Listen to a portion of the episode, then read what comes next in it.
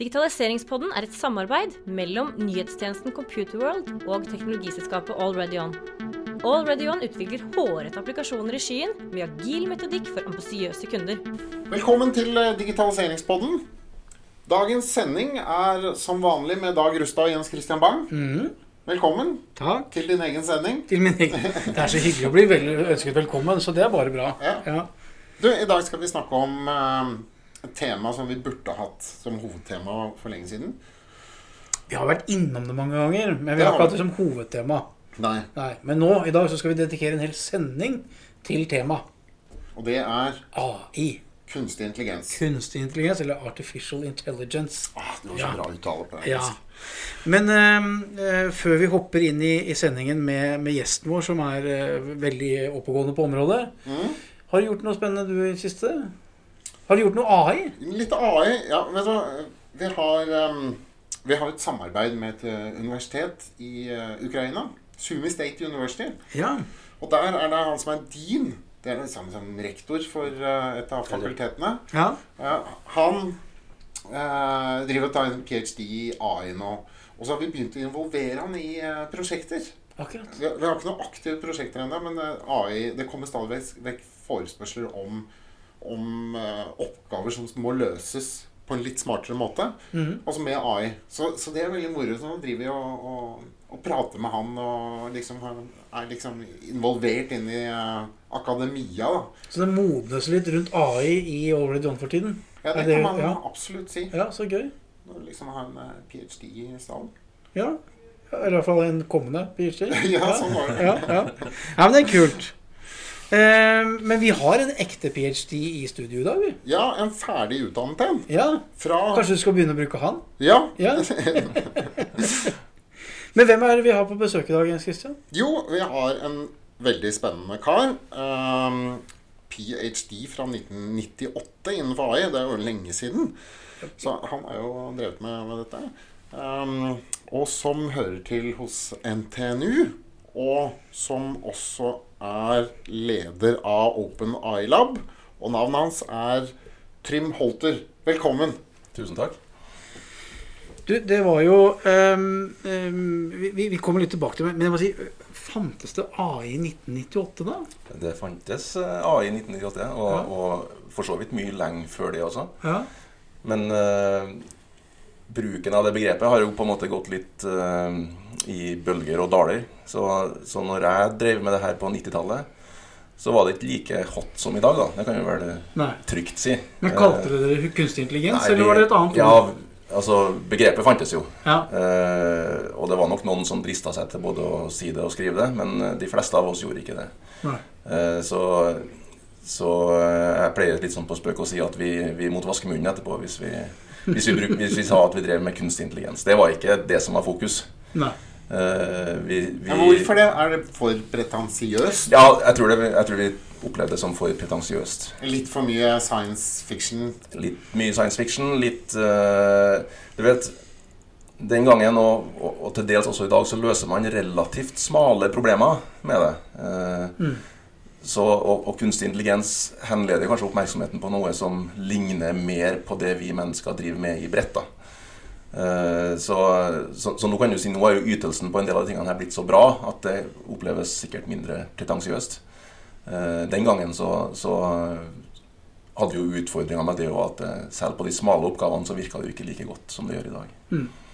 Ja, det har jo litt med, med, med modenheten på brukerside osv. Absolutt. Ja. Og, nå, og nå omgir vi oss jo med det. Eh, Mm. Nå, nå finnes det mange, mange mange anvendelser av det. Så, Mm. så eh, termen akkurat nå er inne i varmen. Så får vi se om det Ja, ja, ja. Jeg, jeg tipper om, om ti år så er det ingen som kommer til å bruke det lenger. For det, det er blitt, så, så blitt en dagligdags greie. så, En del av DNA-et. Ja. Mm. En del av DNA-et til alle. Ja, så akkurat som man driver ikke og snak- driver ikke og snakker om EDB lenger. Nei.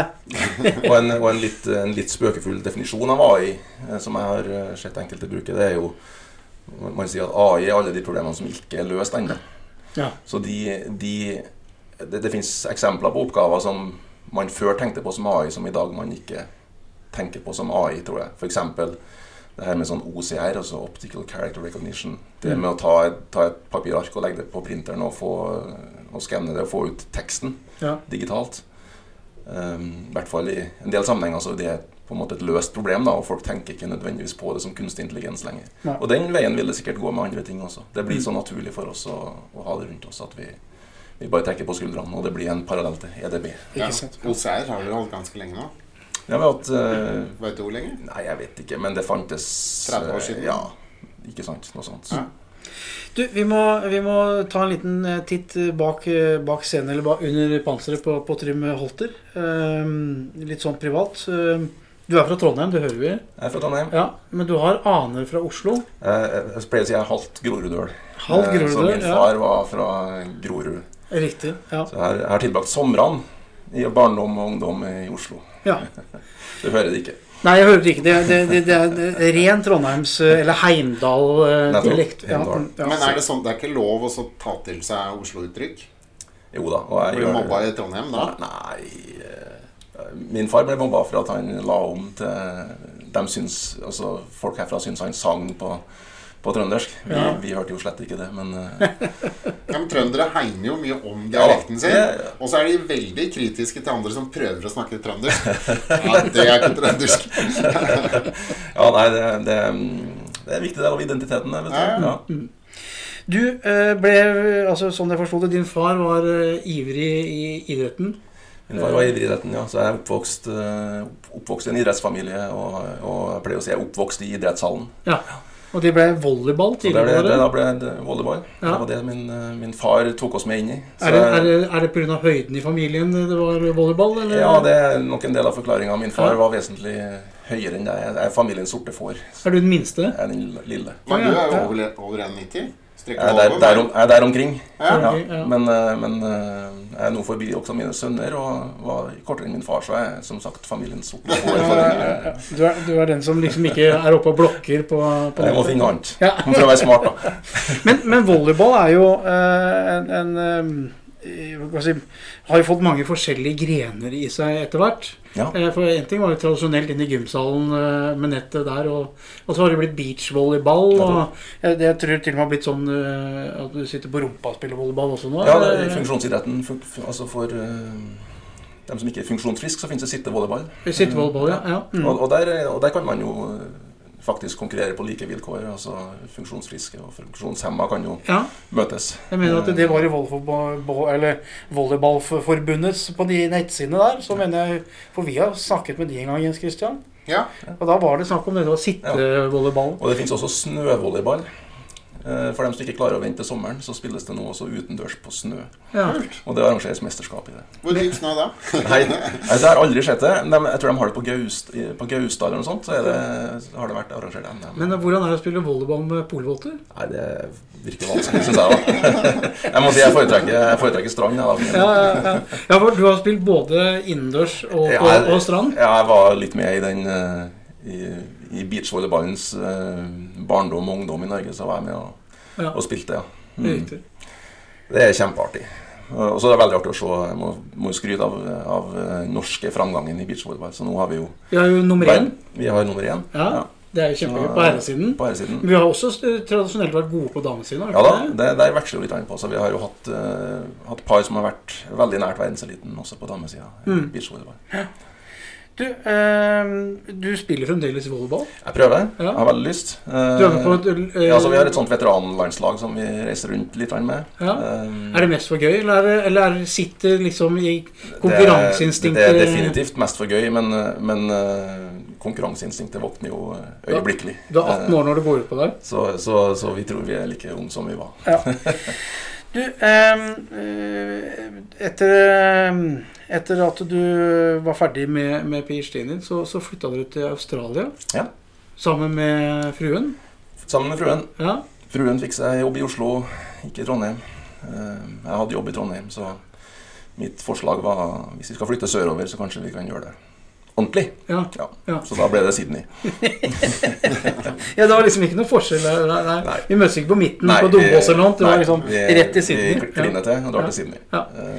Eh, Hvordan var det å bo i Australia? Nei, det- Var det tre år du bodde der? eh, Vi bodde her i ca. tre år. Ja. Nei, jeg er en stor, De som kjenner meg, vet jeg er en stor uh, Australia-fan. Et fantastisk fint land å bo i. Veldig veldig lett å trives. Ja. Klima, uh, folk. eh, kultur. En veldig aktiv livsstil. Ja, du kan, du kan du må holde deg unna krokodillene, det er viktig. Mm. Det er bare turister som eh, Blir spist? blir spist. De innfødte blir jo ikke De unngår jo det, de er for smart. Er det smaken av kjøttet som er forskjellen? Nei, jeg tror det, er jeg, jeg, jeg, tror det er smartheten. Ja. Jeg, var, jeg var i Australia for uh, to år siden. Eh, Veldig kort. Vi var på sånn der altså, opp på en elv og skulle se til krokodiller. Og så masse krokodiller. Ja. Og han guiden som, som kjørte oss rundt Det var ikke dyrepark, det var ordentlig natur. Han sa på den stranden der så fant jeg en eh, dameveske og en damefot i fjor. Ja. Og det var en turistdame som hadde eh, lagt seg på en strand der det ikke, man ikke skulle legge seg. Og var blitt snappet av en krokodille Og og, det- det- spist opp. Han dra- med seg opp på den der Ja. stranden i elven. Det er nok Så sånn det er- sånn det skjer.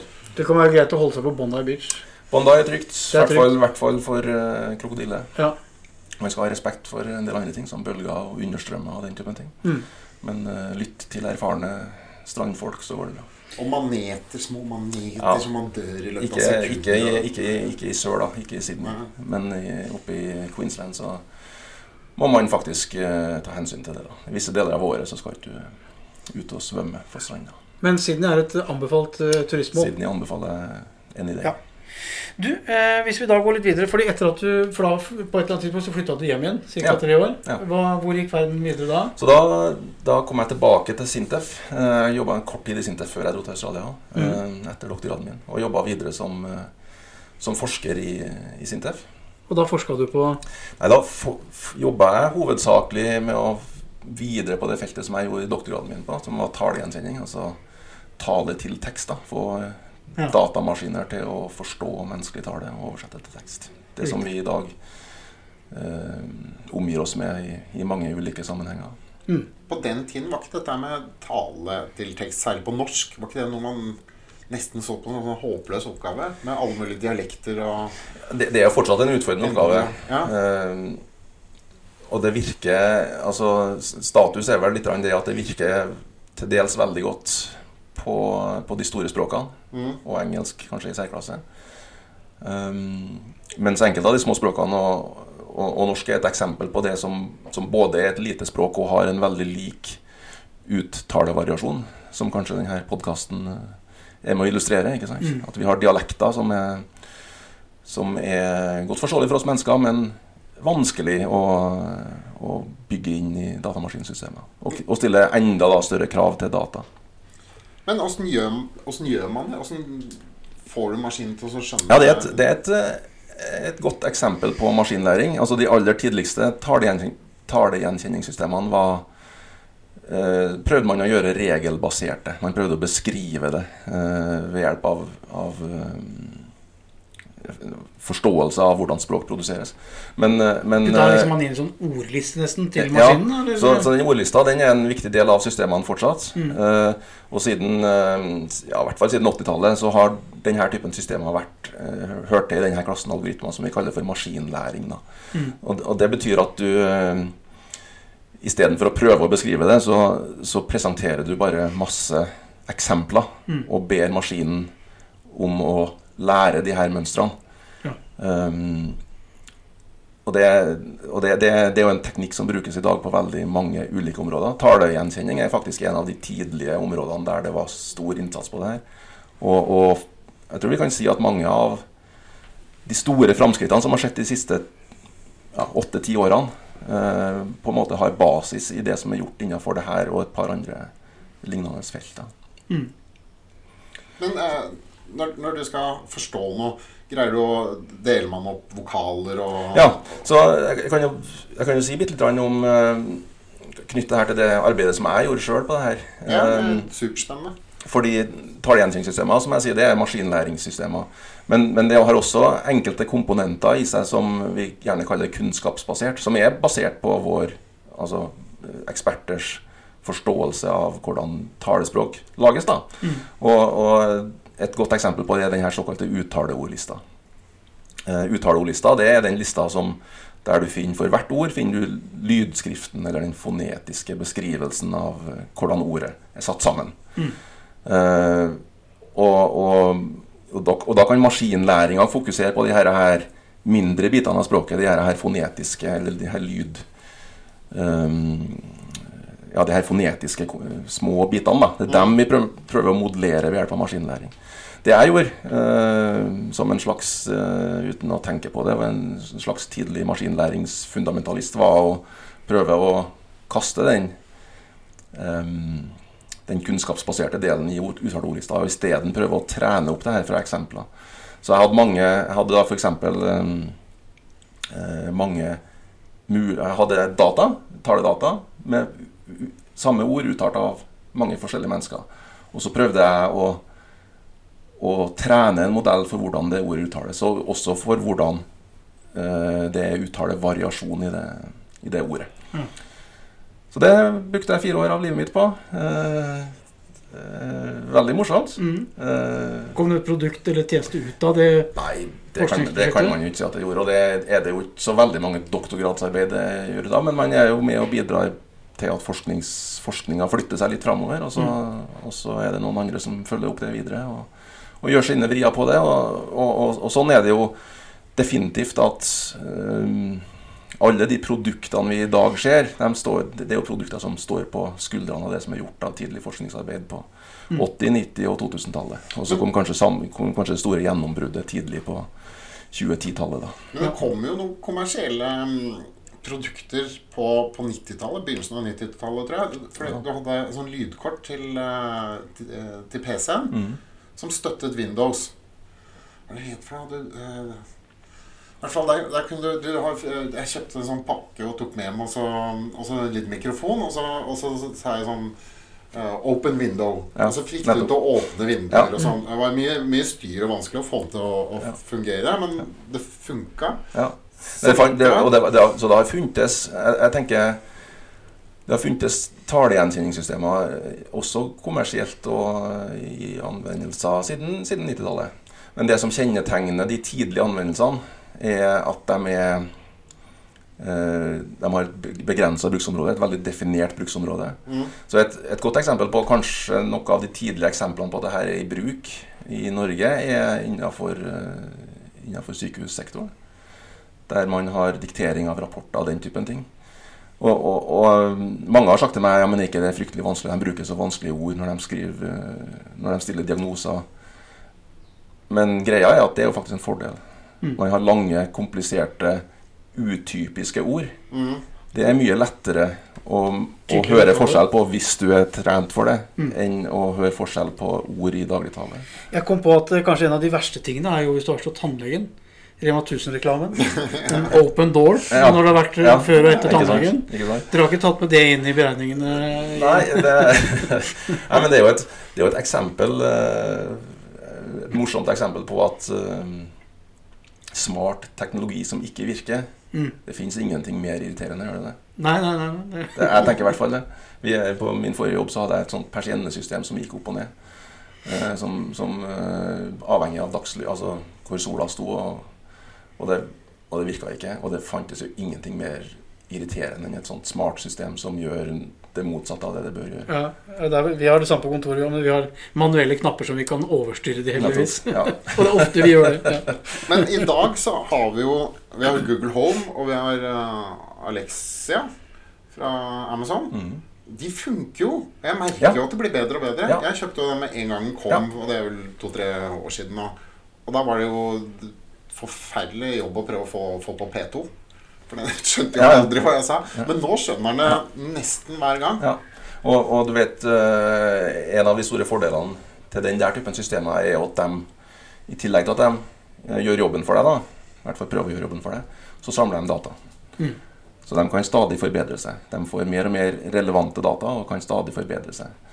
Um, så det er jo en stor, stor fordel. Altså denne typen systemer um, den, Vi pleier å si 'there's no data like more data'. Mm. Så det å ha tilgang på store datamengder er helt, uh, helt kritisk. Mm. Eh, selv så jeg, tenker jeg at hvis jeg skal skrive en melding på telefonen min, og det på en måte er sosialt akseptabelt, situasjonen tillater det, jeg ikke sitter på T-banen eller mm. Så foretrekker jeg jo faktisk å snakke inn den meldinga. Altså bruke tale tekst framfor å skrive det. For meg er det enklere. På norsk jeg, eller engelsk? Ja, på norsk. Og jeg syns det virker så bra. At det er raskere for meg å gjøre det enn å knote med tomlene mine. Er det, bruker du Apple, eller? Jeg bruker Apple. Ja.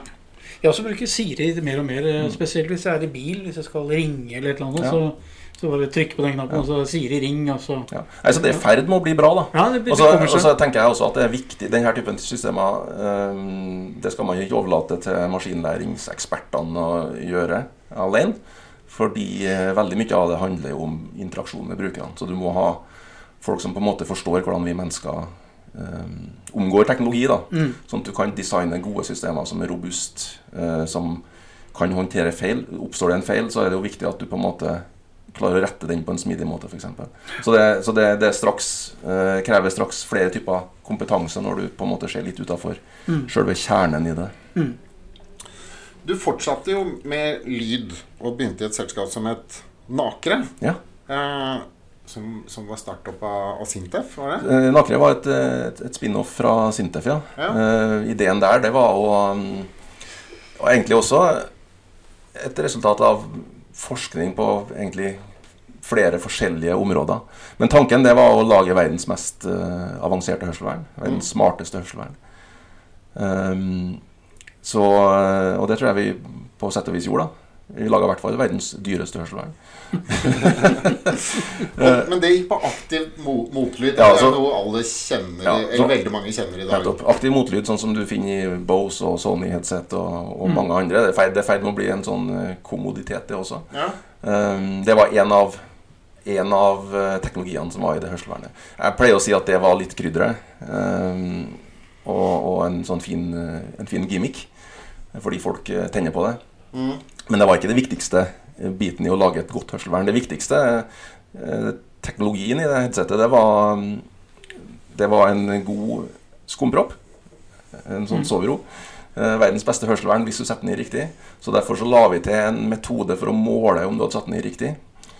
Og da vet du om det er tett, og hvis det der er tett, hvis du ikke slipper luft forbi det, så blir det veldig, et veldig bra hørselvern. Må du holde for nesen og blåse. Nei, eh, vi, nei eh, teknikken var det at du spiller en liten lyd inn i øret, Mm. og så sjekker du om den lyden forblir i øret.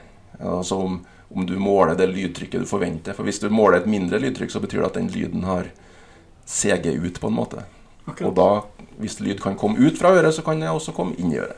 Så dere det målte liksom støyen inni Altså Vi spilte av, spilte av en rumlelyd inni øret, Ja. og så målte vi om den var Hvis så den kom ut i øreklokken, så Hvis den, hvis den, ble, hvis den var for lav på innsida, mm. så, så betyr det at hørselvernet ditt er lekk. Ja. Eh, Så det var teknikken der. Men det blir blir jo veldig fysisk. Ja. Men den, eh, den motlyden, da. ja. For du har rett, det er mer sexy med motlyd. Og har mye mer lyst til å snakke om det enn eh, åssen Ja. man lager skumgummipropper. ja. Eh, Åssen åssen funker motlyd? Nei, motlyd er jo egentlig eh, et veldig et enkelt konsept på den måten at du, du prøver å bruke lyd til å kansellere lyd. Så du prøver jo Hvis du ser for deg en tone, og en, og en, en lavfrekvent tone, da, en bass, en, en som hører til i basspekteret, og så prøver du å spille av den samme tonen, men i motsatt fase. Sånn at når, når støy, lyden fra støyen eh, gir høyt trykk, så gir, gir eh, motlyden din det motsatte. Er det sinuskurven da som Ja, du bare gjør omvendt? Så du, du, Ja. du fasevender den eh, sinuskurven, som vi Ja. sier da. Men utfordringa da, vet du, det er at du vet jo ikke når denne, du, du kjenner jo ikke denne tonen. Så du, sånn som systemet virker, så måler du da lyden som jeg gjør, med en mikrofon som sitter så nært som mulig der du vil eh, kansellere lyden. Måler du lyden, sender du den inn i en prosessor, og, og, og da må du skynde deg noe sabla. Ja. For her må Eh, du gå unna for lyden. Her må du gå unna. Du kan, Hvis- du kan ikke ligge etter på fasen. Nett, nettopp. Du taper jo hvert millisekund teller her, da. Mm. Eh, så du må skynde deg, skynde deg, skynde deg, og så må du få lagd det samme signalet, men med motsatt fase. Og så spille av på høyttaleren. Eh, og det systemet der må du få kontroll på. Hvis ikke så Det verste som skjer, det er jo at du får uh, det vi kaller rundgang, ikke sant? At det hyler. Ja. Mm. Da får du det travelt. For, det, for, for grunnen til å ha det her i, vårt system er jo, var jo det at uh, det er høy støy. Ikke sant? Det betyr jo også at den, at den motlyden du sender inn, må også være en, en høy lyd. Så hvis du da får rundgang, så, eh, så blir det fort veldig høyt. da. Men eh, sånn, sånn fysisk sett, eh, det som eh, Dag sa med sinuskurven Det er jo bølger som går i, går den i lufta. Den går i lufta. Mm. Ja, Som den dytter luft. Mm. For, for du får ikke lyd i, i, i luft i tomt Nei, rom. nei. Ja, så, da, så det er mot Det er for å dytte den luften tilbake igjen, da, sånn, eh, sånn at luften står stille? Er det det som liksom er målet? Ja, det kan du, du kan jo på sett og vis si, ja. Nøytralisere på en måte Ja. bøl- bølgen. Nettopp. Mm. Mm. Så prøv, prøv å Lyd er jo trykkvariasjoner i luft. Ja. Eh, definisjonen av lyd. Um, så du, så du, prøver å, du prøver å jevne ut de trykkvariasjonene. Og i hvert fall gjøre dem mindre. Da. Så det, mm, det er motlyd. Mm. Det virker veldig mystisk. Du, du får, Ja, det er, jo, det er jo litt sånn wow når du skrur på Bosen din Ja. eller Sonyen din. Det er jo litt sånn wow-greie. det er veldig deilig når du sitter på fly og kan sette på den. Ja. Og, det, og så er det mange grunner til at det kanskje ikke er like viktig i et, et sånt eh, industrielt eller ja, industrielt hørselvern. Men det, kan vi, det, det er nok en annen to timers samtale. Ja, ja. Men du, eh, etter Nakere, som, som, som ble kjøpt opp igjen av et selskap som het Sparian, som, som også drev da med videre med hørselvern, ikke sant? Som igjen ble kjøpt opp av Honorable Industrial Safety. Ja. Ja. Var, det, var du med hele reisen der? Så jeg var, med, jeg var med totalt så var jeg med i ti år. Ja. Eh, og jeg jobba sikkert sju av de årene i Honeywell, da, som er et eh, gigantisk selskap. ikke sant? Mm. 130 000 ansatte. Um, Var det, det var etter Honeywell Bull, eller? um, Fordi de produserte PC-er ja, på men det, det, den historien er jeg ikke sikker på om 80-90-tallet. Ja, ja det, er jo, det er jo lenge etter det. Så jeg, jeg jobba jo her fram til sommeren 2018, faktisk. Mm. Og da gikk turen tilbake igjen til Sintef. Da hadde jeg, dro jeg til Sintef, Ja. så da ble jeg forskningssjef. Kjente kallet tilbake igjen. Ja. Ja, du vet, når du har vært med, vært med i en oppstartsbedrift, eh, kommersialisert en idé du sjøl har vært med og utvikla deler av, ikke sant, og kjent på den derre mm, driven som, en, som ligger i det, da. Og så etter hvert bli en, del, bli en av 130 000 eh, brikker i et eh, multinasjonalt selskap.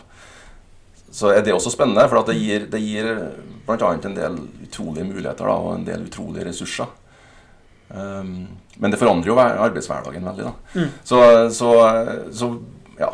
Vi, vi var jo en utkant i Honeywell-systemet. Og, og det var morsomt i noen år. Og så fikk jeg lyst til å gjøre noe annet. Ja. Og da ble det Sintef. Og, og i Sintef så um, Og da kom jeg litt tilbake til mitt gamle arbeidsmiljø, men denne gangen her som forskningssjef. da. Så, um, så jeg var tilbake til gamle kolleger og være, være leder for dem. Ja, Var det lyd igjen, eller? Det var, da jobba jeg i avdeling som het Connectivity Technologies and Platforms. Og Det høres jo litt kryptisk ut, men det var da den, den avdelinga som het Akustikk, som jeg sjøl hadde jobba i. Eh, som da var slått sammen med en avdeling som tidligere het Kommunikasjonssystemer. Som jeg også har jobba i. Mm. Så jeg, jeg var vel antakeligvis den eneste i verden som har jobba i begge avdelingene. Så derfor så ble jeg leder for den avdelinga. Eh, så det var en kombinasjon av denne akustikkmiljøet og så et miljø som driver med, med kommunikasjonsteknologi. Så når vi skryter blant eh, i, i Trondheim av at GSM-sonderen f.eks. Mye av det kom ut av, eh, av Sintef på 80- og 90-tallet, så, så er det her miljøet. Satellittkommunikasjon, eh, navigasjon, den typen teknologi. Ja, jobber vi med der. Telenor, det som hadde egen satellittavdeling, var de som var med på det? Ja, Telenor, vi, te, tidligere så var jo Telenor den eh, dominante kunden for dette miljøet. Ja. Eh, og så eh, har jo det forandra seg litt over tid. da. Men en avdeling som har, eh, som har si, kultur for nyskaping, spunnet ut mange bedrifter. Eh, særlig det her akustikkmiljøet har vært veldig innovativt. Så det første året jeg jobba der, så spant vi ut tre selskaper. Eh, så det syns jeg var Ja, ja. Ja, det morsomt, dårlig. morsomt å bidra til. Og så havna du da altså i overgangen da fra Sintef til NTNU, med, som hvor du nå er eh, direktør for eh, Norwegian Open AI Lab. Ja. Så jeg hadde jo på ingen måte tenkt å bytte jobb, egentlig. Eh, men, men så dukka jo den stillingen opp, da. Og så var det litt sånn at når jeg, når jeg var i det her Honeywell-systemet og tenkte at nå er det på tide å, å kanskje gjøre noe annet, så trodde jeg jo egentlig at det var kanskje AI. da, At nå skal jeg, nå skal jeg friske opp uh, AI-biten av meg. Jeg så jo det at interessen rundt det er så stor. Mm. Uh, Så det var egentlig det jeg hadde tenkt jeg skulle jobbe med. Og så, og så dukka denne Sintef-muligheten opp, og så syntes jeg det var kjempespennende. Og så, og så ble det sånn. Men så dukka som sagt da denne her, her direktørstillingen i Norwegian Open AI Lab opp. Og det var jo også veldig spennende. Pluss at det er nært Sintef, for så vidt. da. Altså Sintef er jo medlemmer i, i iLaben, så jeg tenker at jeg har en veldig fordel av den bakgrunnen min fra Sintef også i den, i den nye jobben. Men den AI-laben er jo da et samarbeid med altså både med akademia, altså Sintef og, og Eller NTNU, da, og så er det Sintef. Og så er det jo noen private selskaper med også. Ja, så Telenor var med og, og starta opp det. Eh, og Telenor eh, gikk tidlig inn med mye penger for å levendegjøre det her. Og så har vi etter hvert eh, altså Sommeren 2018 blir det et og et halvt år siden. da, eh, Så starta vi Så utvida vi og fikk med flere partnere, og ble det som i dag heter Norwegian Open Island. Da. Så der har vi med oss Equinor og Kongsberg og DNB og DNV GL. Ja. I tillegg til Telenor og Sintef. Så blitt en Som- eh, relativt artig spennende Det er jo, en, eh, det er jo eh, kjente selskaper, kan vi ikke si det? Eh, Store norske selskaper som påvirker samfunnslivet på mange fronter. Så veldig spennende partnerskap. Men det, dere kaller jo dette et virtuelt forskningssenter. Åssen jobber man sammen når det er virtuelt? Ja, jeg, jeg sier at det er virtuelt fordi at eh, det er på en måte lagt litt oppå eh, universitetsstrukturen. Da. Så, så folk, eh, folkene som eh, jobber i Norwegian Open Eye Lab, er da typisk professorer og doktorgradsstudenter og postdokker. Men deler de informasjonen mellom alle som er med? Ja, Så det her er jo en måte å samle de kreftene som, som kanskje ellers ville ha jobba litt mer for seg. Eh, samle dem, eh, dele problemstillinger, dele data. Eh, tenke sammen. Har det vært et problem tidligere at eh, forskere ikke har vært særlig interessert i å dele? Nei, jeg skal, ikke- jeg skal ikke påstå at det gjelder spesielt for dette miljøet, i hvert fall. Men, men, men, men det, er jo en, det, det, er jo, det, det kan jo skje. Ja. Uh, du vet uh, Universitetstradisjonen er jo en relativt uavhengig tradisjon. Og at, så det her er et insentiv i hvert fall da, for at folk skal jobbe sammen. Eh, og Det syns jeg er morsomt å se at vi på en måte får litt sving på. da. Hvilke verktøy bruker du da? Er det noe forum, eller er det Ja, vi, vi, altså, det, Facebook-grupper, eller vi, vi, har litt, vi har noen digitale verktøy for å hjelpe oss med det, men det viktigste er jo at vi møtes. eh, og, at vi, Ja. og at vi kobler Min tanke er litt det er En ting jeg er opptatt av, det er å koble eh, koble de ulike miljøene. For det er ganske mange miljø på NTNU som er AI-miljøer, eller som har AI som er interessert i AI. da Eh, Men de sitter på hver sin institutt, og da er det hvert fall en, det er i hvert fall en barriere for å samarbeide. Så jeg er jo veldig opptatt av det å få litt bredde i det her, også faglig, sånn at vi får med oss og kan samle og kan dele eh, problemstillinger og data eh, på tvers av de her, her eh, strukturene som ellers kan være barrierer. Ja, for, Og da må du bygge sosiale nettverk da, for Ja, å få, til ja. det. Få folk Absolutt. til å kjenne absolutt, hverandre. absolutt. Og jeg ser jo, det, jeg ser jo det nå, at det er folk som kjenner hverandre som ikke kjente hverandre før. Og det syns jeg er kjempeartig. Ja. Der skulle vi vært eh, en dag.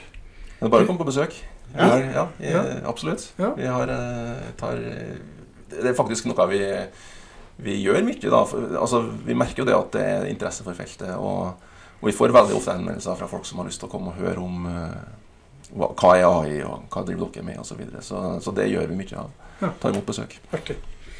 Før vi går videre nå Ja, dette har vi gjort før, og nå skal vi, nå skal vi gjøre det igjen ja, eh, på dette området. Nemlig en ordliste.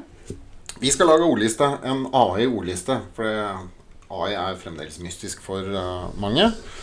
Eh, og før vi går inn på en del par AI-temaer etterpå, så går vi gjennom de mest uh, brukte ordene. Nå blir jo denne litt sånn eh, Den blir jo uoffisiell. Ja, sånn det er blir ikke sånn høytidelig, så vi kan sikkert bli tatt på det etterpå og si Ja, men du hadde jo ikke med eh, kognitive kart. Eller Det bare fant jeg på nå. Ja, Så, ja, ja. ja.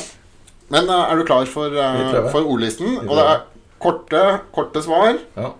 Selve ordlistedelen skal ikke ta mer enn 5-10 minutter. Nei? Nei? Ok, da kjører vi i gang. AI. Kunstig intelligens. Eh, det, er jo, det er jo å bruke datamaskiner til å løse oppgaver som man tradisjonelt har tenkt trenger menneskelig intelligens. da. Maskinlæring. Ja, maskinlæring er en, en eh, del av eh, AI-feltet. Og, og det er nok den delen som er desidert eh, mest populær og og også veldig kraftfull. Så det handler om at man bruker Man har en, en algoritmebeskrivelse så bruker man data da, for å trene alle de, alle de millionene av parametere som kan finnes i den typen systemer.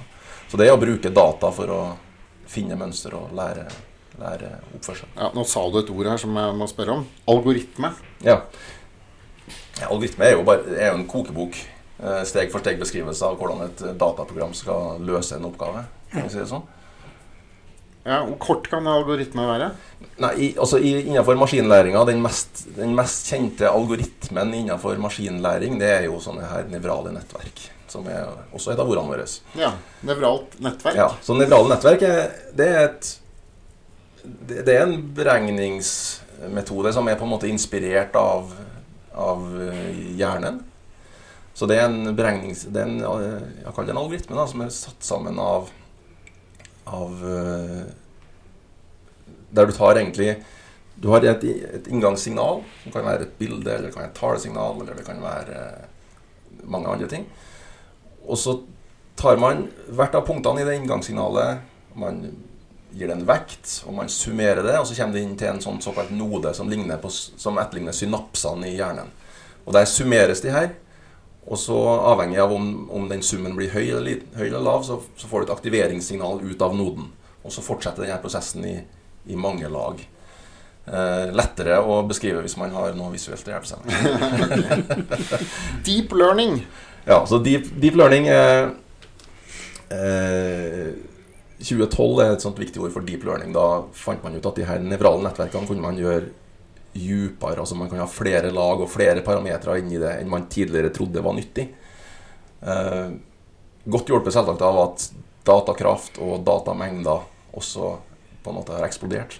Mm. Så fant man ut at man, kunne gjøre nettene dype. Så ordet dyp det handler om hvor mange lag det er i et nevralt nettverk. Mm. Og dyp læring er da en type maskinlæring. Supervised eller unsupervised læring? Ja, så, så det er klassiske maskinlærings si, familie av algoritmer. da. Supervised, eller jeg tror vi pleier å kalle det veileda trening på norsk. Eh, Det er det tilfellet der du har eh, eksempel fra, hvis du tar et eksempel fra talegjenkjenninga. Det er hvis du har en, et lydopptak, og i tillegg til lydopptaket så har du, har du tekst. Altså setningen eller, eller den teksten som er sagt. Da, da har du en, et, et merke, et, en, en label, kaller vi det på engelsk. Og da kjenner du si, sannheten, og da kan du bruke det når du trener. Da kan du trene de her nettverkene eller hvilken algoritme du bruker. Sånn at over tid så vil de komme nærmere og nærmere den fasiten du har da i form av en sånn, en sånn merke.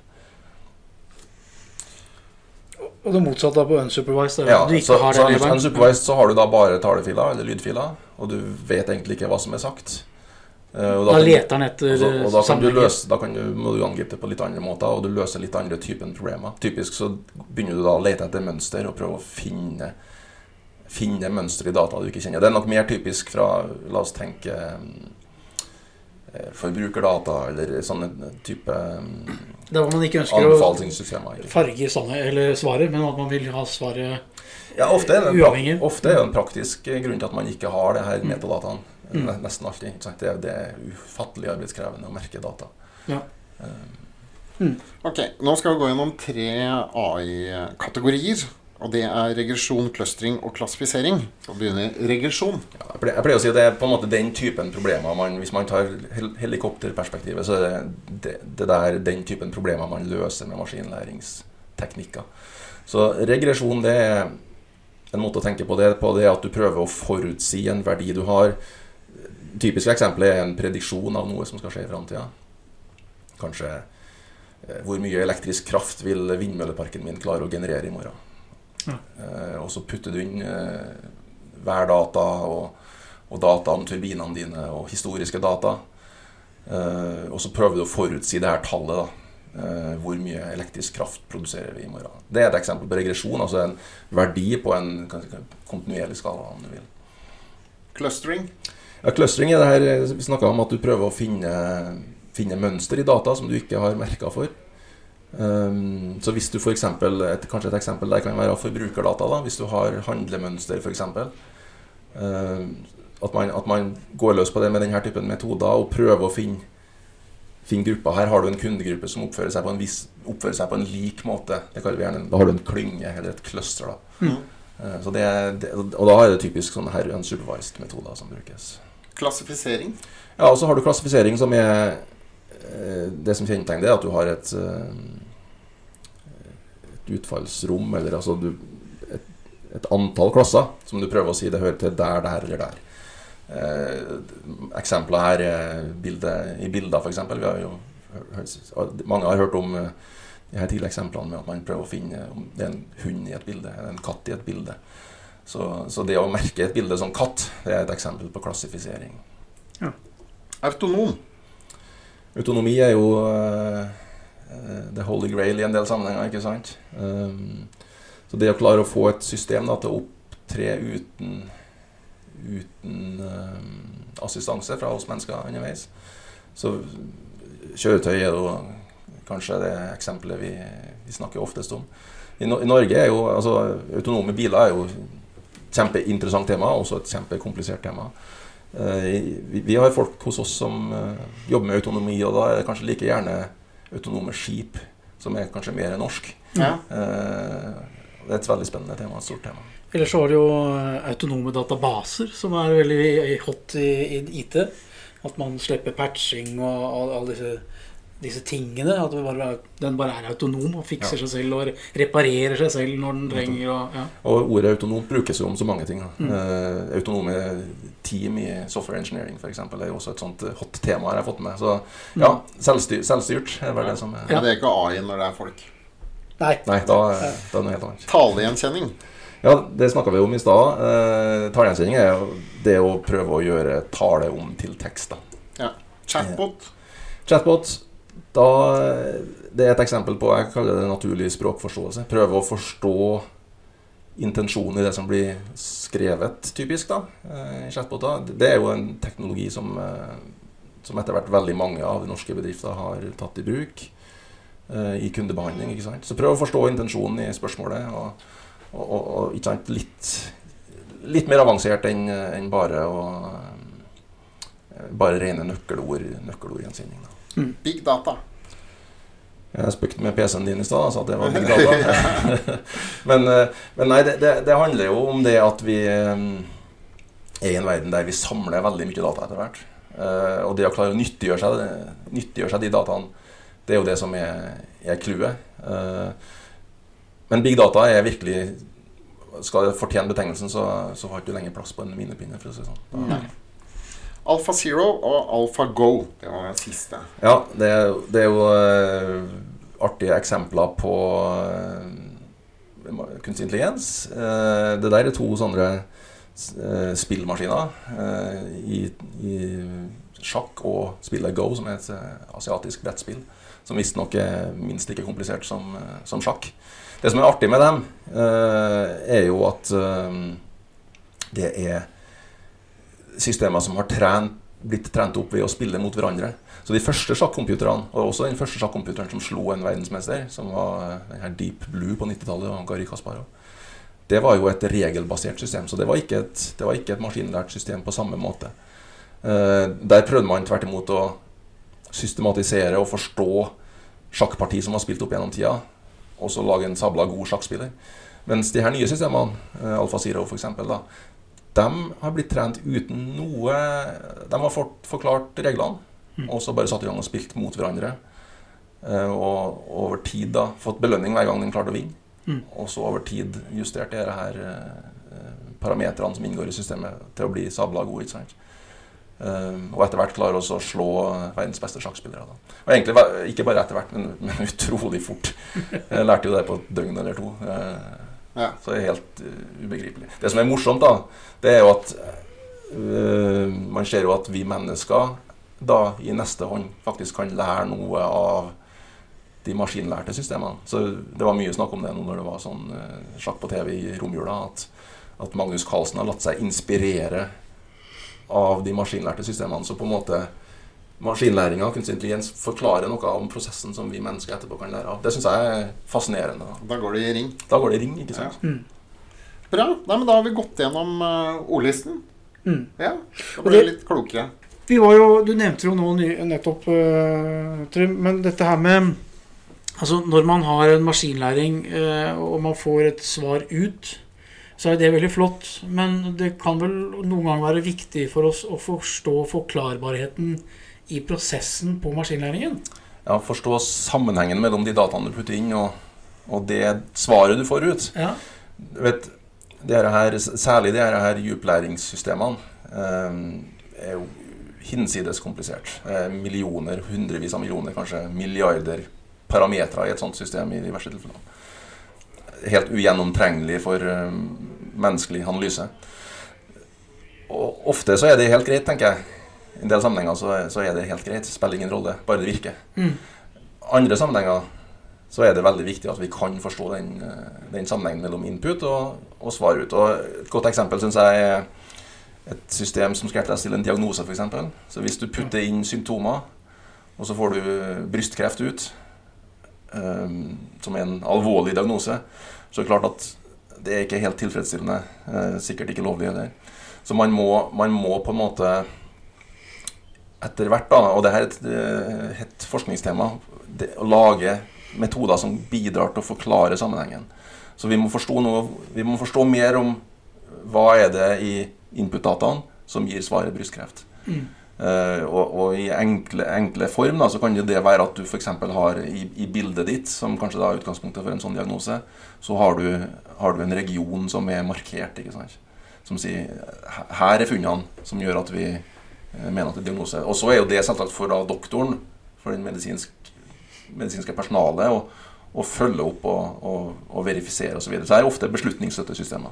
Lånesøknad er et annet sånt eksempel. ikke sant? Du må, må kunne forklare hvorfor ble svaret som det ble. Ikke sant? Men da tenker jeg, altså Hvis du da har gjort en uh, deep learning, og du har millioner eller milliarder av, av, av regelsett i, en, i en sånn prosess, bruker man da gjerne AI-en for å kunne forklare logikken i det? Kan man gjøre det? Eller hvordan, hvordan kommer du fram til for, ja, forklarbarheten? Og det her, det her er hot topic i forskninga.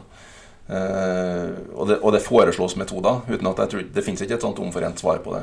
Ja. Men, men, men, man kan jo altså et, et, spor det er å på en måte trene og ha parallelle modeller som kanskje ikke er like presise, men som er bedre forklarbar. Uh, og så er utfordringen da at du må klare at, at de her må være tilstrekkelig parallelle til at du kan stole på den forklaringen. Så det er, det er et spor. Uh, men, men, ja, det her, er, det her, er, et viktig tema. Vi har uh, et av de nye spennende prosjektene våre som vi fikk finansiering for å gjøre, og som vi går løs på nå, som heter XIGON, som handler om da explainable AI. Men kan man da få Nå, nå kanskje jeg utfordrer ting dere ikke er i gang med ennå, men, men, kan man lage maskinlæringssystemer som også har med seg eh, forklarbarheten i, i logikken? In, innebygd, på en måte? Ja, at du, Hvis jeg gir deg diagnosen brystkreft, så er det fordi mm. eh, Ja, så, det, så det, er jo, det, det, er jo langt på vei det man prøver å gjøre, da. Mm. Um, vet, noe av, noe av utfordringa her er at um, man kan kanskje man kan prøve å forenkle metoden. Altså gjøre den av natur enklere å forstå. Men det du gjør, da, da er du inne i en sånn trade-off-situasjon. At, at, du gir gjerne fra deg noe presisjon. Eh, du, du, forutsier ikke, du for, forutsier ikke brystkreft like presist som du gjør med det mer avanserte systemet. Så det der er, her er trade-off. Ja, mm. du, du, kanskje kan si, Hvorfor kan du ikke bare bruke en enklere metode som er mer forklarbar? Jo, for da mister jeg noe som kanskje er viktig. Kvaliteten, ja. ja. Mm. Så, så, det, så der, der, står, eh, der, står, debatten litt. Ja. Mm. Et annet tema som er litt interessant eh, for tiden eller ikke, det, er ikke, det er jo litt skremmende, det, mm. men det er, jo, det er, jo, litt spennende også. Eh, dette med koronaviruset. Covid-19? Covid-19. Ja. Eller covid-19, tror jeg. strengt tatt. Covid-19 ja. Covid var det. Ja. Det er det offisielle navnet. Men det er nok ikke så viktig. da Nei, og Grunnen til at vi snakker om det her, er jo det at um, Og det har jo stått i, stått i avisene i det siste at, uh, at uh, det her virusutbruddet i, i Kina um, Første rapportene om det i den vestlige verden, det er jo faktisk uh, stammer fra et AI-system. Et, et kanadisk AI-firma som heter Blue Dot, som som selger det her som en tjeneste til kundene sine. så jeg har forstått. Eh, det å, det å fange opp trender som har med, med sykdomsutbrudd å gjøre. Og, så, så, det de gjør, det er at de rett og slett overvåker masse nyhetskilder på ulike språk. Og så ser de etter denne typen mønster da, som vi snakka om tidligere i dag. Det her med clustering. Det er at du klarer å se en trend. Uh, her er det noe i emning. Så hvis du får tilstrekkelig mange indikasjoner på at her er det noe i emning, så kan du kanskje trekke en kon- konklusjon. da. Så de rapporterte jo uh, det her helt i slutten av desember, mens uh, sånne som WHO gikk ut jeg tror 10. januar, og, og det her US Center for Disease gikk ut eh, like før der. Så en uke, ti dager tidligere enn en, enn, eh, det ble kjent via de kanalene, så, så klarte man å forutsi det her ved hjelp av eh, denne typen metoder. Men var det Blue Dot som, som fortalte om det også, da? Til, eh, Til kundene, til Blue Dots kunder Nei, ja, det vet jeg strengt tatt ikke. Jeg bare Eh, tenkte hvis, og- hvis det ikke hadde vært for dem, jeg hadde ingen visst om det. Nei da, det er helt sikkert. eh, Og jeg vil jo, jeg vil jo tro at kinesiske myndigheter vet, visste det. eh, Også, også før Blue Dot visste det, ikke sant. Men, mm. men i, i prinsipp kan man jo se for seg at de så et mønster som ingen hadde sett før. da. Nå var det vel det her såpass potent allerede fra start av at, at det var sikkert folk som visste om det i Kina. Men, men sånn kom det ut i, i Vesten, da. Men eh, det vil si at i fremtiden, hvis man bare bruker dette enda mer, så kan man stoppe sånne Jeg kan i hvert fall se, se, det ikke sant? kan se det i hvert fall tidligere. da, tidligere utbruddet. Nå har vi jo lært de siste dagene hvor viktig det er å stoppe det her i starten. I hvert fall for å, hvert fall for å stoppe det på en måte som gjør at helsesystemene våre klarer å, Ja, å her, håndtere det. her gjelder hver eneste time er viktig, så jo tidligere, jo, Det er jo bedre. Det, ja. det, det her lærer vi jo om eh, dag for dag nå. Ja, ja, dessverre så gjør vi det. Ehm, jeg ser på tiden at vi, vi, vi begynner å nærme oss slutten, Jens Christian. Ja, Men vi, ehm, vi har jo hatt AI oppe som et tema. Eh, Og AI er også et tema for en konferanse som alle tre skal delta på. ja. Kan ikke du si litt om det? Jo, det er en uh, gratisreferansekonferanse. eh, eh, i regi av Computerworld og Open Norwegian AI Lab. Det er der du kom fra, Trym. Slik lykkes du med AI. Og da, der skal vi gå gjennom mye rundt AI, hvordan man får til verdiskapning og alt det rundt det. Og den foregår i Oslo Kongressenter. Og det var gratis uh, å melde seg på. Ja, Så gøy. så den kan man bare melde seg på fra CV, altså cw.no, altså Computerworld sin, slash event. Ja. Og der skal, vi, der skal vi fortsette samtalen. eh, Ja. Så hvis uh, dette var interessant uh, Jeg syns i hvert fall det var kjempeinteressant. Og, og dere lyttere der ute syns det var interessant, så må dere bare komme på den uh, konferansen. Og da var det cw.no slash event Ja. for å melde seg på. Da er det bare å gjøre det, folkens.